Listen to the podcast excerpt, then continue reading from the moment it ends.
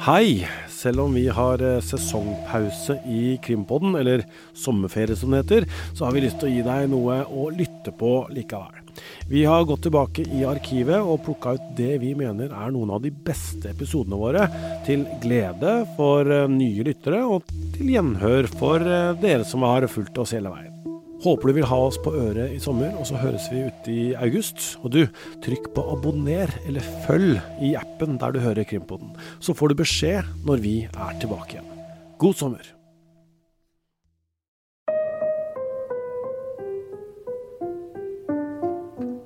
Nei, da jeg, da jeg gikk og, og, og, og rekognoserte, så sto jeg foran dette pissoaret. Og så tenkte jeg at her, altså disse bildene her er jo da bokstavelig talt marinert i urin og i fett og i sigarettrøyk. Og jeg, jeg bet meg spesielt merke at dette kyss på stranden, dette, dette romantiske bildet, hang helt ned på kanten på pissoaret. Hvor altså studentene sto og vifta og spruta. Og tenkte at er det mulig å behandle et millionkunstverk på den måten? Hvorfor har ingen grepet inn? Hvorfor har ingen sagt stopp?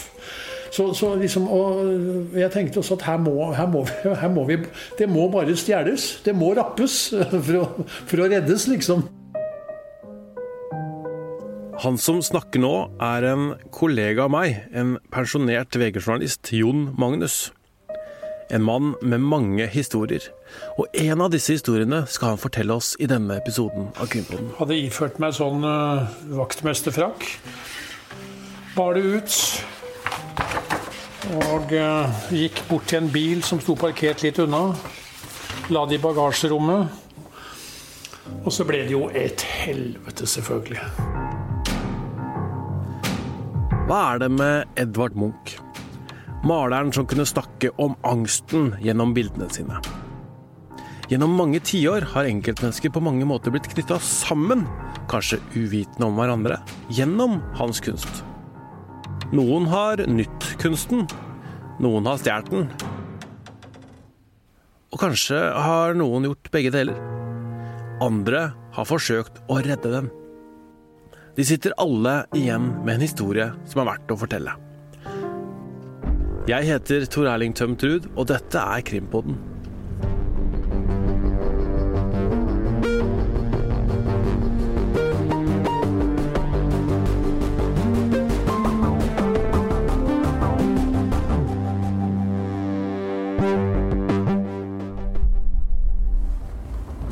Reisemålet er til venstre. Hei, du! Egentlig der du skulle stå, men den er tatt. Kommer du inn der? Nei, det gjør jeg ikke. Det gjør vi ikke. Nei, nei. Men Da uh, må, du, da må du stille deg her, ja. faktisk. Og det er sånn betalingsautomat. ja, men det går fint. Yes. Det fikser jeg. Hyggelig å se deg. Ja, i like måte. Bare stå ved siden av den sorte der. Du. Ja, ja, ja. ja. Har så svær bil, vet du, så da Velkommen. Takk for det. Jeg er på besøk hos Jon Magnus. En høy, hengslete fyr med skarpe, blå øyne. Han har litt eh, langt hår og et ansikt med mye historie og et lunt smil. Han er liksom litt sånn eh, Clint Eastwood-aktig. Han har jobba som journalist i VG i mange år og er nå pensjonist. Han beskriver forholdet sitt til journalistikken som et intenst kjærlighetsforhold, og har alltid likt å skrive. I 1972 så fikk han praksis i VG, og siden da så har han jobba mer eller mindre med utenriks. Han har, ifølge en VG-artikkel fra 2015, vært i nesten 150 land og sovet på hotell i 3000 netter til sammen. Jeg var 24 år. Jeg var ikke engang fast ansatt. Jeg tror jeg ble fast ansatt jeg 1.1.73. Ja. Så dette var mens jeg var altså, Jeg var ikke tilkallingsvikar. Jeg var, altså, jeg var jo der hver dag og jobbet. Og så mm, spiste jeg ofte Jeg var altså 24 år gammel og nokså nok så ny. Jeg hadde vært da to år i marinen, og så hadde jeg vært vel to år i Spania. Tatt en førsteavdeling i medisin. Og begynte på Journalisthøgskolen. Og så og så pleide jeg å spise mine frokoster to-tre ganger i uka på det som het Aulakjelleren, eller Frokostkjelleren. Det var to kafeer på universitetet nede i sentrum. Og da var det altså en dag klokka halv ni-ni om morgenen hvor jeg satt med min kaffe og mitt rundstykke. Og så hørte jeg, hørte jeg samtaler fra bak en skillevegg om Munch og millioner og lett å ta, lett å stjele. Og, og de sa også kanskje vanskelig å omsette, men her er det mye penger, hørte jeg. Og så satt jeg og lyttet og noterte. Og jeg så ikke, men det var to karer sånn i jeg kan tenke meg 40-50-årsalderen. For da de reiste seg og gikk, så så jeg bare ryggene deres. Og da forsvant de ut. Og så gikk jeg rett tilbake til VG og fortalte min gamle sjef Knut Håvik hva jeg hadde opplevd. Og da sa han at dette må vi gjøre noe med.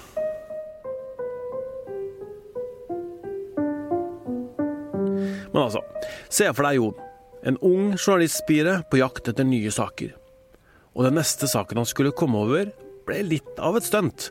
For det innebar dyrebare Munch-bilder, fotograf i buskene og en vaktmesterkjeledress. Vi satt sånn og drodlet, og, og, og, da tenkte vi at hvis dette er altså, profesjonelle karer, så kan de rappe Munch for altså millioner og titalls millioner. Men hvis vi klarer å komme de i forkjøpet gjennom å påvise dårlig sikring. Da kan vi kanskje redde Oslo kommunes kunstsamlinger, eller i hvert fall deler av den. Disse karene satt nemlig og snakket om at ikke noe var eh, skrudd fast, og ikke noe var alarmert eller sikret med alarm.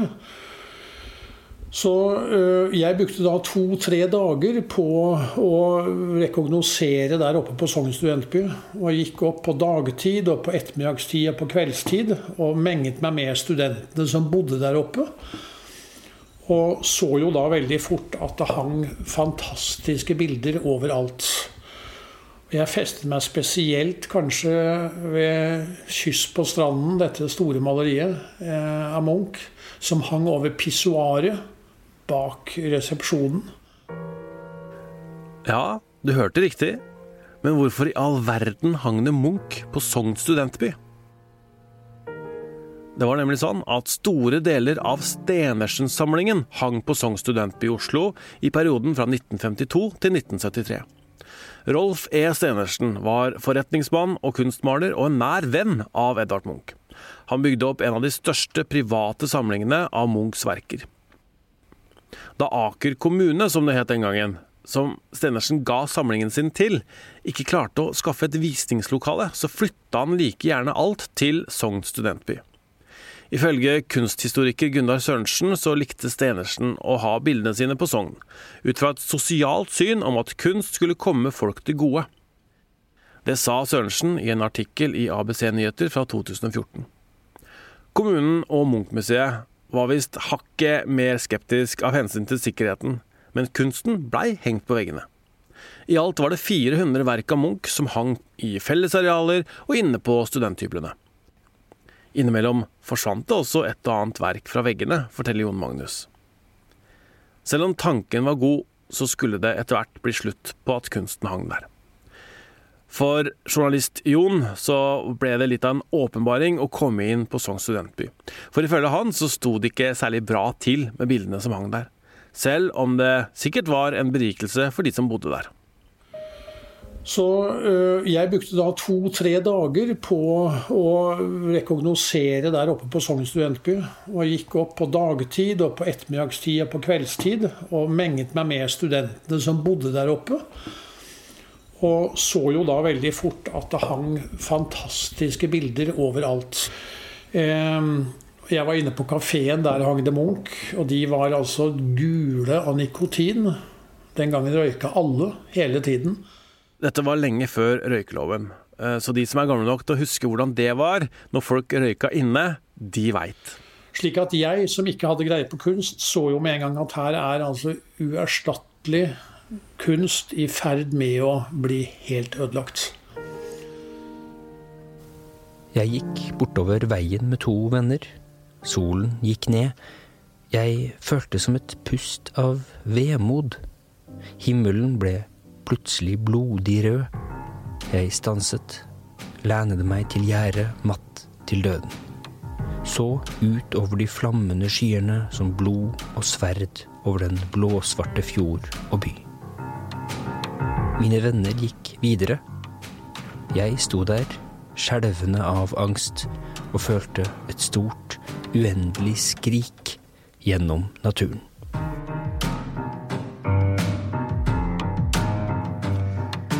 Denne teksten er skrevet av Edvard Munch.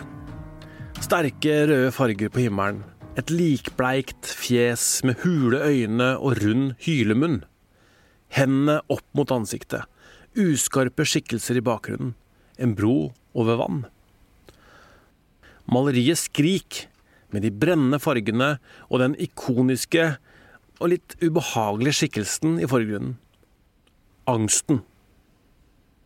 Nå må vi ta en tur til Åsgårdstrand, den lille byen som ligger i både Horten og Tønsberg kommune.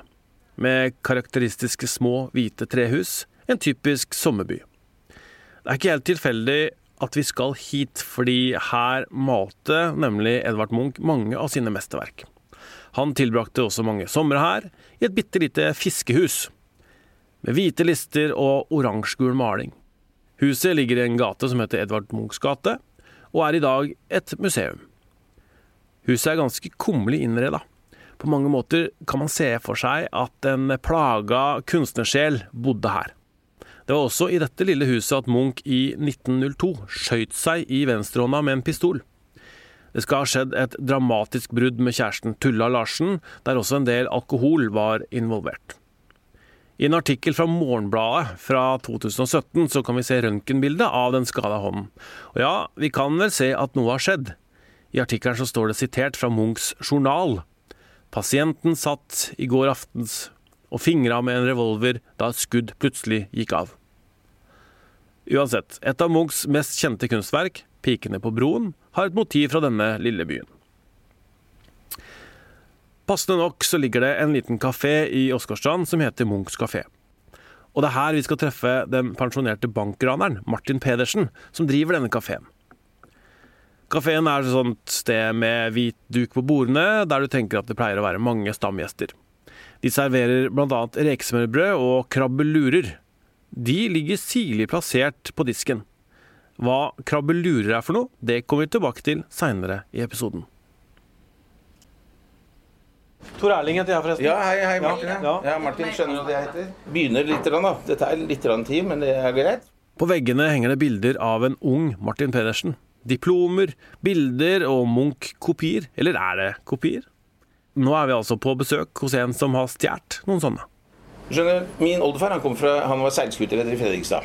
Og uh, år 1900 så skulle en av de skutene til Amerika med gods.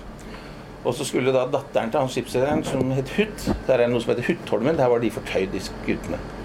Da skulle få lov, hun få lov å være med. Hun var 19 år. Men det var overklassen, så hun skulle ikke jobbe om bord på båten. ikke sant? Men på den skuta så jobba det han fattig matros fra som het Carly selv. Og de to ble forelska. Denne fattige kapteinen, nei, matrosen og eh, Anna, da, som hun het, de ble forelska på båten. Så det er en veldig romantisk historie. Og, men da flyttet hun fra overklassen der til, til nesten fattigdom oppe i Damgaten her oppe. Og eh, han eh, Carl han var ute sju år av gangen på sjøen. Så eh, det var og, eh, Det var selvfølgelig et fall da, for hun eh, Anna sosialt og økonomisk. Så hun tutet ørene fulle på moren min at hun måtte finne seg en rik mann. Og det gjorde moren min. Martin Pedersen tar av seg hatten og frakken. Han retter på håret og blir stående oppreist bak stolen som sto klar for ham.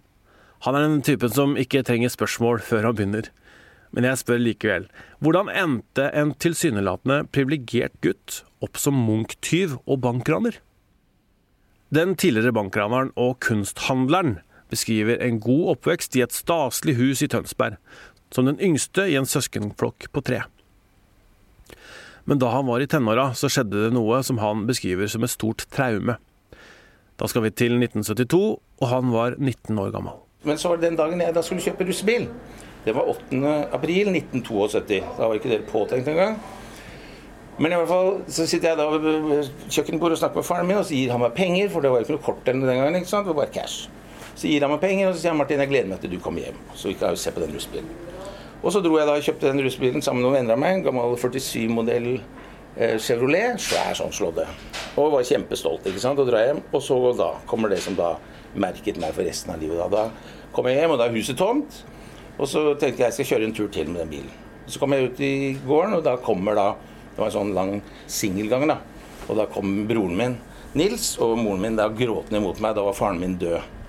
Og Han hadde fått hjerteinfarkt da var han 63 år, og jeg var livende redd for han, for han hadde såkalt angina, hvis du vet hva det er. Og eh, så klarte ikke jeg å gråte, jeg fikk det ikke ut eller noe sånt. Så sender de meg ned for å hente bilen hans og klærne hans. Og så går jeg nedover der så sier jeg til meg selv det er naturlig å dø, det er naturlig å dø, Martin, det er naturlig å dø, du må skjønne. Men inni meg da så var det da et helvete, altså det var da helvete startet, da. Pedersen har stått siden vi kom og satte oss ned i Munchs kafé. Han prater og forteller. Han snakker fort og trekker pusten før han ber om en cola. Så setter han seg ned på stolen som er satt fram et stykke foran oss. Han drar hendene gjennom håret. Han forteller at han seinere begynte å studere for å bli lærer. Det var kanskje noe som mangla i livet. Han fant seg liksom ikke helt til rette på lærerskolen. En tanke kommer snikende.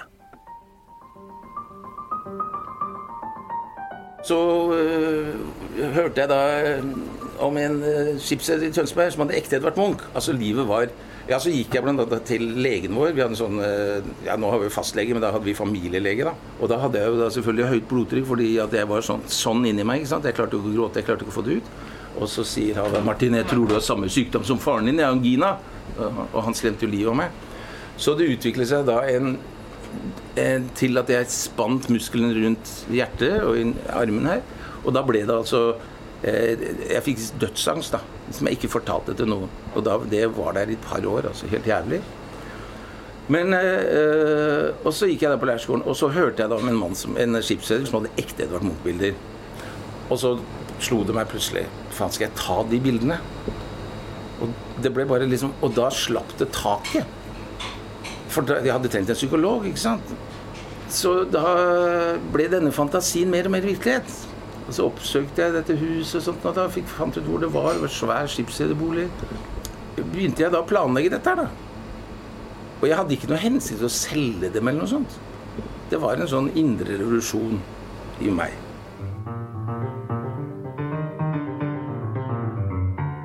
Det blei for fristende. Og jo mer jeg da fokuserte på dette her Det, det, var, det var store utfordringer ikke sant, i dette her. Jeg måtte liksom overvinne meg selv. da, på en måte Overvinne og, og dette her å få det til rent teknisk. da, liksom Skulle ikke bli tatt. Det var jo livsfarlige greier. ikke sant? Jeg hadde- jo ikke gjort noe kriminelt. Og ikke kjente jeg den kriminelle. Jeg hadde ikke omgang med kriminelle. Men så ble skulle jeg da den påskeaften 74, da hadde jeg planlagt, altså. På en fest så bestemmer han seg for at nå, nå er tiden inne. Han forteller til de andre som er der at han føler seg dårlig og forlater festen. Så bare forsvant jeg. Så tok jeg bilen, og så hadde jeg planlagt alt sammen. Så kjørte jeg da til skogen. øh, nærheten av, det, det huset lå nemlig helt inntil skogen. En flott, ærverdig, sånn gammeldags skipsredervilla. Og så hadde jeg da gjort det klart. Og jeg hadde jo ringt på forhånd, så jeg visste at den denne damen var på påskeferie. Og nå tilbake til VG-journalist Jon Magnus. Han som ville rette søkelyset på hvor dårlig sikra Munch-skattene på Sogn studentby var. Så hadde jeg altså snakket med, med to politifolk. Jeg var jo krimjournalist den gangen. Da fortalte jeg disse to separat at jeg skulle begå et kunsttyveri. Jeg sa ikke hvor, og jeg sa ikke når. Men jeg sa til begge to at hvis jeg blir tatt, så skal dere i hvert fall vite at det ikke er i vinnings hensikt. Men det er altså for å påvise dårlig sikring fordi jeg overhørte en samtale. Jeg vil ikke si mer om den samtalen heller til disse to politifolkene. Så var dagen kommet. Jon følte seg klar for å gjennomføre stuntet som skulle bevise at bildene var sikra altfor dårlig. Det jeg gjorde da, øh, altså mens jeg sto der oppe og rekognoserte, vandret rundt, så fant jeg ut hvordan jeg skulle gjøre det. Det var å legge min gode gamle kollega Bjørn Reze, fotografen, i et buskas 50-60-70 meter unna med en telelinse. Altså det, jeg hadde jo da vært å som sagt vært og rekognosert en to-tre dager på forhånd, både på dag og kveldstid. Så jeg, jeg kjente området veldig godt, syns jeg. Eh, og så det med du kan si en ung manns øyne, en ung students øyne, på en måte. Så vi kjørte rett opp. Vi, vi parkerte utafor. 30 meter fra, fra, resepsjonen. Men det var altså en, en relativt trang resepsjon. Dyster, mørk, slik jeg husker det. Og dette pissoaret, hvor jeg hadde da sette meg ut kyss på stranden, av alle ting, eh, lå rett rundt og inn for, for resepsjonen. Og da jeg eh, gikk inn den dagen, så satt det to damer der, og de, de så ikke opp engang. Men de var antageligvis så, så vant til at, at, studentene gikk ut og inn, vil jeg tro. Eh, de så ikke på meg. Og da jeg, jeg var borte, og det var jo ikke noe tid å bruke på det, for det hang jo bare på en krok. Og jeg tok det, som du ser på disse bildene, under armen og nikket blidt da jeg gikk. ikke sant? Og jeg husker at en av de nikket tilbake og sånn. Og, og, men, men altså noe, det var ikke noe reaksjon av noe slag. Og de 30-40 meterne bort til bilen, det var, altså, det var folk utafor. Ingen som så på meg. Altså, vi, vi reagerer jo ikke på sånne ting normalt. Og jeg husker at da jeg da jeg gikk ut for tredje gang, må det vel ha vært, da var, var en av de damene hun satt og så litt på meg lurte på hva faen jeg drev med, liksom. Om jeg kom stadig med nye bilder, for hun hadde ikke registrert at jeg kom inn igjen med de. Men jeg husker at jeg, jeg, jeg reagerte på at det var egentlig ingen som brydde seg om noen ting. Det var, eh, det var alt, alt var eh, som, som det pleide å være, nærmest. Han husker ikke om pulsen var høy, men han var nervøs for å ødelegge bildene. Dette var jo et, et stunt, og det var snakk om store verdier.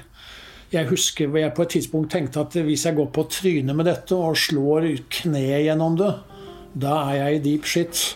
Så jeg husker jeg, jeg gikk jævla forsiktig.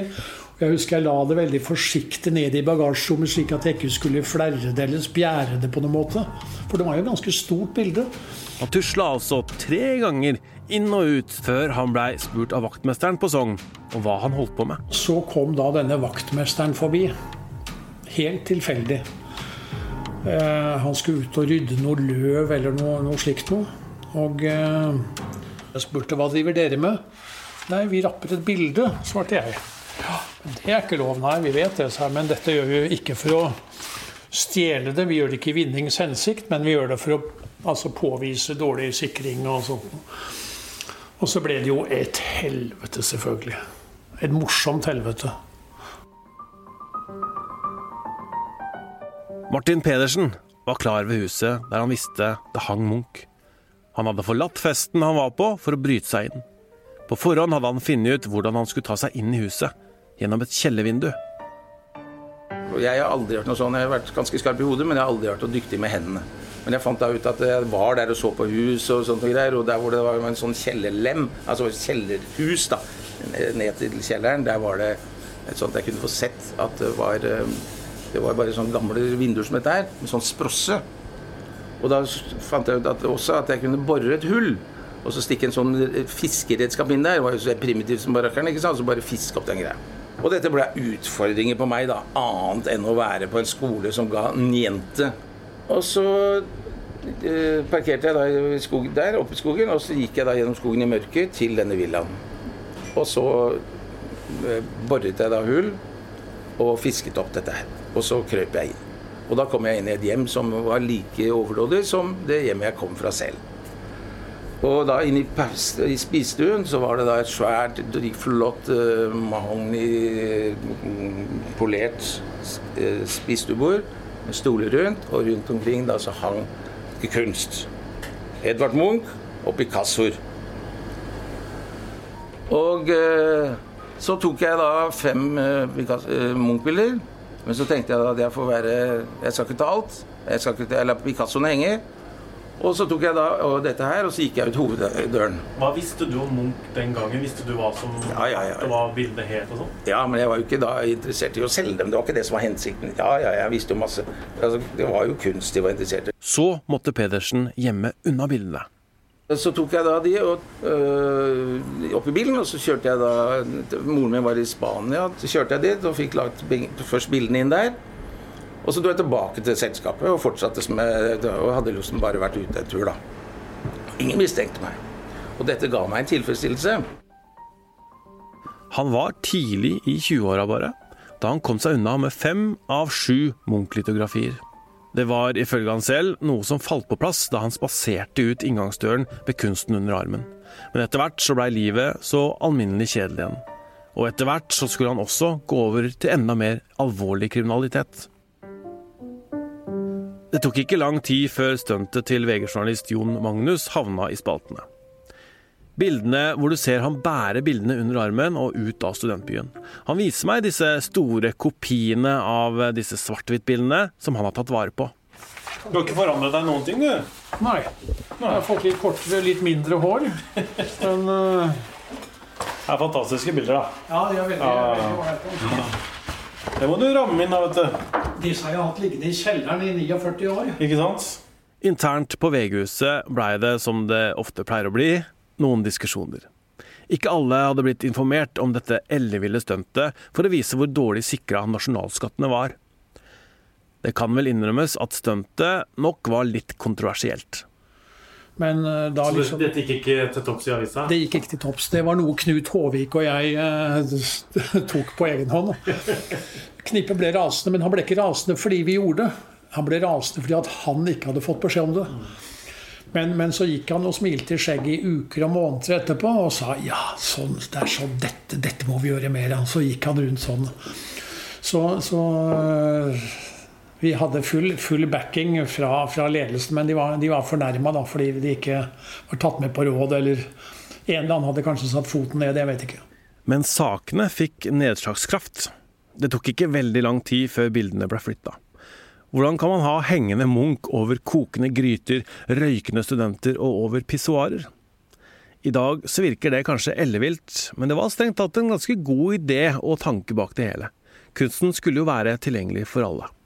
Men du har jo da Stenersens ønske om at denne kunsten skal henge sånn at folk kan se det. Eh, Og så gjør du dette, som gjør at disse bildene blir hekta ned. Ja. Hva tenker du rundt det? Nei, jeg tenker at øh, hadde jeg ikke gjort det, så hadde enda flere av disse bildene blitt ødelagt. Eh, nå ble jo en del av de senere hengt opp på Munch-museet, det nye Munch-museet. Så de kom, en del av de kom jo opp i dagen igjen.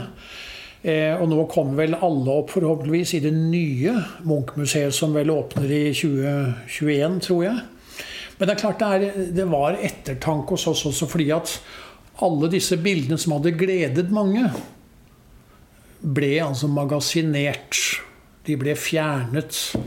Slik at ja, det jeg gjorde, førte til at, øh, at, at folk fikk ikke stå ved pissoaret og se på en Munch. Og de kunne heller ikke stå og steke karbonader mens de så på en Munch. Altså det, ble, de ble borte, rett og slett. Ehm, så ja, det er alltid flere sider av en sak. Men, men vi mente, og jeg mener den dag i dag, at vi gjorde det rette, fordi at prisen hadde vært enda høyere hvis dette hadde blitt hengende, altså. Han var jo her, satt der du var. Edvard Munch satt der. Altså det var andre stoler og sånn, da. Men, og spiste krabbelurer. Du skal få med dere noen krabbelurer etterpå. Dere kan få nå. Sånne, de smaker litt à la smultringer. Martin Pedersen, som hadde stjålet Munch fra et hus i Tønsberg, hadde skjult bildene. Han hadde arva et stort maleri av sin far, og bak dette maleriet så forteller han at han gjemte Munch-litografiene, og at han holdt kjeft om det han hadde gjort. Pedersen beskriver at han får en ny idé, for han vil gjerne ha råd til et fint hus for seg og familien. Og så ble det rolig, og da ble, kom dette samme greiene tilbake. Tristesse og depresjon og you name it, ikke sant. Og så tenkte jeg jeg kan jo rane en bank. Så det jeg gjorde da, var at jeg, jeg kan jo ikke rane en bank med fingeren. Det går ikke. Du må jo ha et våpen som ser litt farlig ut. Og det hadde jeg ikke. Så, så har jeg vært altså veldig mye skuespiller da, helt fra jeg var liten. Du får si ifra hvis du må skifte noe greier. Nei, jeg vil følge litt med, så Ja. det går bra. Og så, så Så jeg hadde en sort beret, for der på Trandum hadde vi sort beret, ikke sant? Og så hadde. Men jeg hadde ikke noe uh, andre sånne militærklær. Men jeg skaffet meg, jeg husker ikke på hvilken måte jeg gjorde det, men jeg skaffet meg en militærfrakk. En sånn lang militærfrakk, offisersfrakk. Og så klippet jeg hull på den ene lomma, og så dro jeg opp til Trandum en kveld. Og eh, så bare gikk jeg rett inn gjennom porten og lot som jeg var en offiser. Og disse soldatene de var jo menige soldater ikke sant? som gjorde førstegangstjenesten sin. Og de bare sto i jakt og trodde at de hadde respekt for offiseren. ikke sant? Bare gikk jeg ut. Her stjal han en AG3, et automatvåpen som ble brukt i militæret. Du var på Trandum og hadde Ja. tatt denne jagertreeren. Ja, så tok jeg da den og så gjemte den og sånn. Og så planla jeg da dra den utenfor Tønsberg. Det måtte være langt unna politiet. Og da passet det jo da med en, en, en, eh, bank på Sem. Uh, Semsbyen, hvis dere vet hvor det er. Den unge Pedersen hadde planlagt ranet nøye. Det skulle egentlig bare bli med dette, forteller han, men sånn blei det dessverre ikke. Han kledde seg ut, blant annet som en dame, og snakka med ulike aksenter, sånn at det skulle være vanskelig å kjenne han igjen. Ved en anledning så løste han også et skudd mot to politimenn. Konfrontert med det, at han har trua folk med pistol og utsatt folk for traumer, så sier han dette. Det er noe at jeg kan ta virkelig eh, kritikk for. Og jeg fortjente den straffa jeg tok, og den tok jeg da. Jeg kan jo fortelle side opp og side ned om det der, hvordan det var. Det blei 19 ran til slutt, før han blei stoppa av politiet, og dømt til 12 års fengsel for ugjerningene sine. Han blei plassert på Ila landsfengsel, og her utdanna han seg til jurist. Han slapp ut etter åtte år, og er glad han fikk en ny sjanse, og angrer på det han gjorde. Han burde brukt evnene sine til å bli skuespiller, istedenfor å kle seg ut og rane banker. Gjennom livet har han opprettholdt interessen for kunst. Disse bildene, det, det, det, ble jo gitt tilbake. Hva slags forhold har du til Edvard Munch? Ja, altså, jeg har jo eh, Edvard Munch eh, for meg er en meget dyktig kunstner. har vært bestandig. Han fikk jo fram det som var psykologien i mennesker. ikke sant? Altså Noe som da ikke, eh, andre kunstnere på den tiden ikke var oppmerksom på i den grad. Eh, og derfor, da, med min bakgrunn, da, alt jeg har opplevd, så er jo det veldig, har det veldig aktualitet. Men jeg, jeg, jeg gleder meg veldig til å besøke Munch-museet selvfølgelig, og sitte meg der og studere. og Det er jo fantastisk. Og jeg er jo fascinert av Edvard Munch som bare rakkeren. Hva, hva, hva tenker du, hva er det han fanger i psykologien? Han fanger opp det, det han fanger opp skikkelig. ikke sant? Det er jo i det angst, da. Det er jo, og det har, det har jeg virkelig kjent meg igjen. Med fire krabbelurer i en hvit papirpose kjører vi tilbake til Oslo. Hjemme hos min kollega Jon Magnus i Drøbak, der han har flott utsikt utover Oslofjorden. Hva er ditt forhold til kunst nå, Jon? Jeg har masse kunst på veggene. altså Dette er bare lite grann. Altså, det, jeg, har, jeg har kjelleren full. Ehm, en del av dette har jeg kjøpt. Noe har jeg vunnet på VGs kunstlotteri. Eh, noe har jeg arvet. Eh, jeg har en kjeller full, som sagt, som mine tre døtre skal De kommer om 14 dager og skal forsyne seg litt. Jeg har, jeg har ikke plass til alt, ikke sant. Jeg som var en ung mann, jeg hadde ikke peiling på kunst. Men, men det, det er et eller annet i oss som sier at når noe er vakkert og verdifullt, så skal man ta vare på det. Opp igjennom så har det vært mange tilfeller der Munch har vært ettertrakta av forbrytere. Og i neste episode skal vi ta for oss hva som skjedde da maleriet 'Skrik' blei rana fra Munch-museet, og hvordan bildet blei redda da det kom tilbake igjen med store skader. Produsent i Krimpodden er Vilde Våren. Synne Solbakken har bidratt. Jeg heter Tor Erling Tømt Ruud, og musikken er laga av Ronny Furuvik, og teknisk ansvarlig er Magne Antonsen. Send oss gjerne spørsmål og innspill på krimpodden at vg.no, eller sjekk ut Facebook-gruppa vår.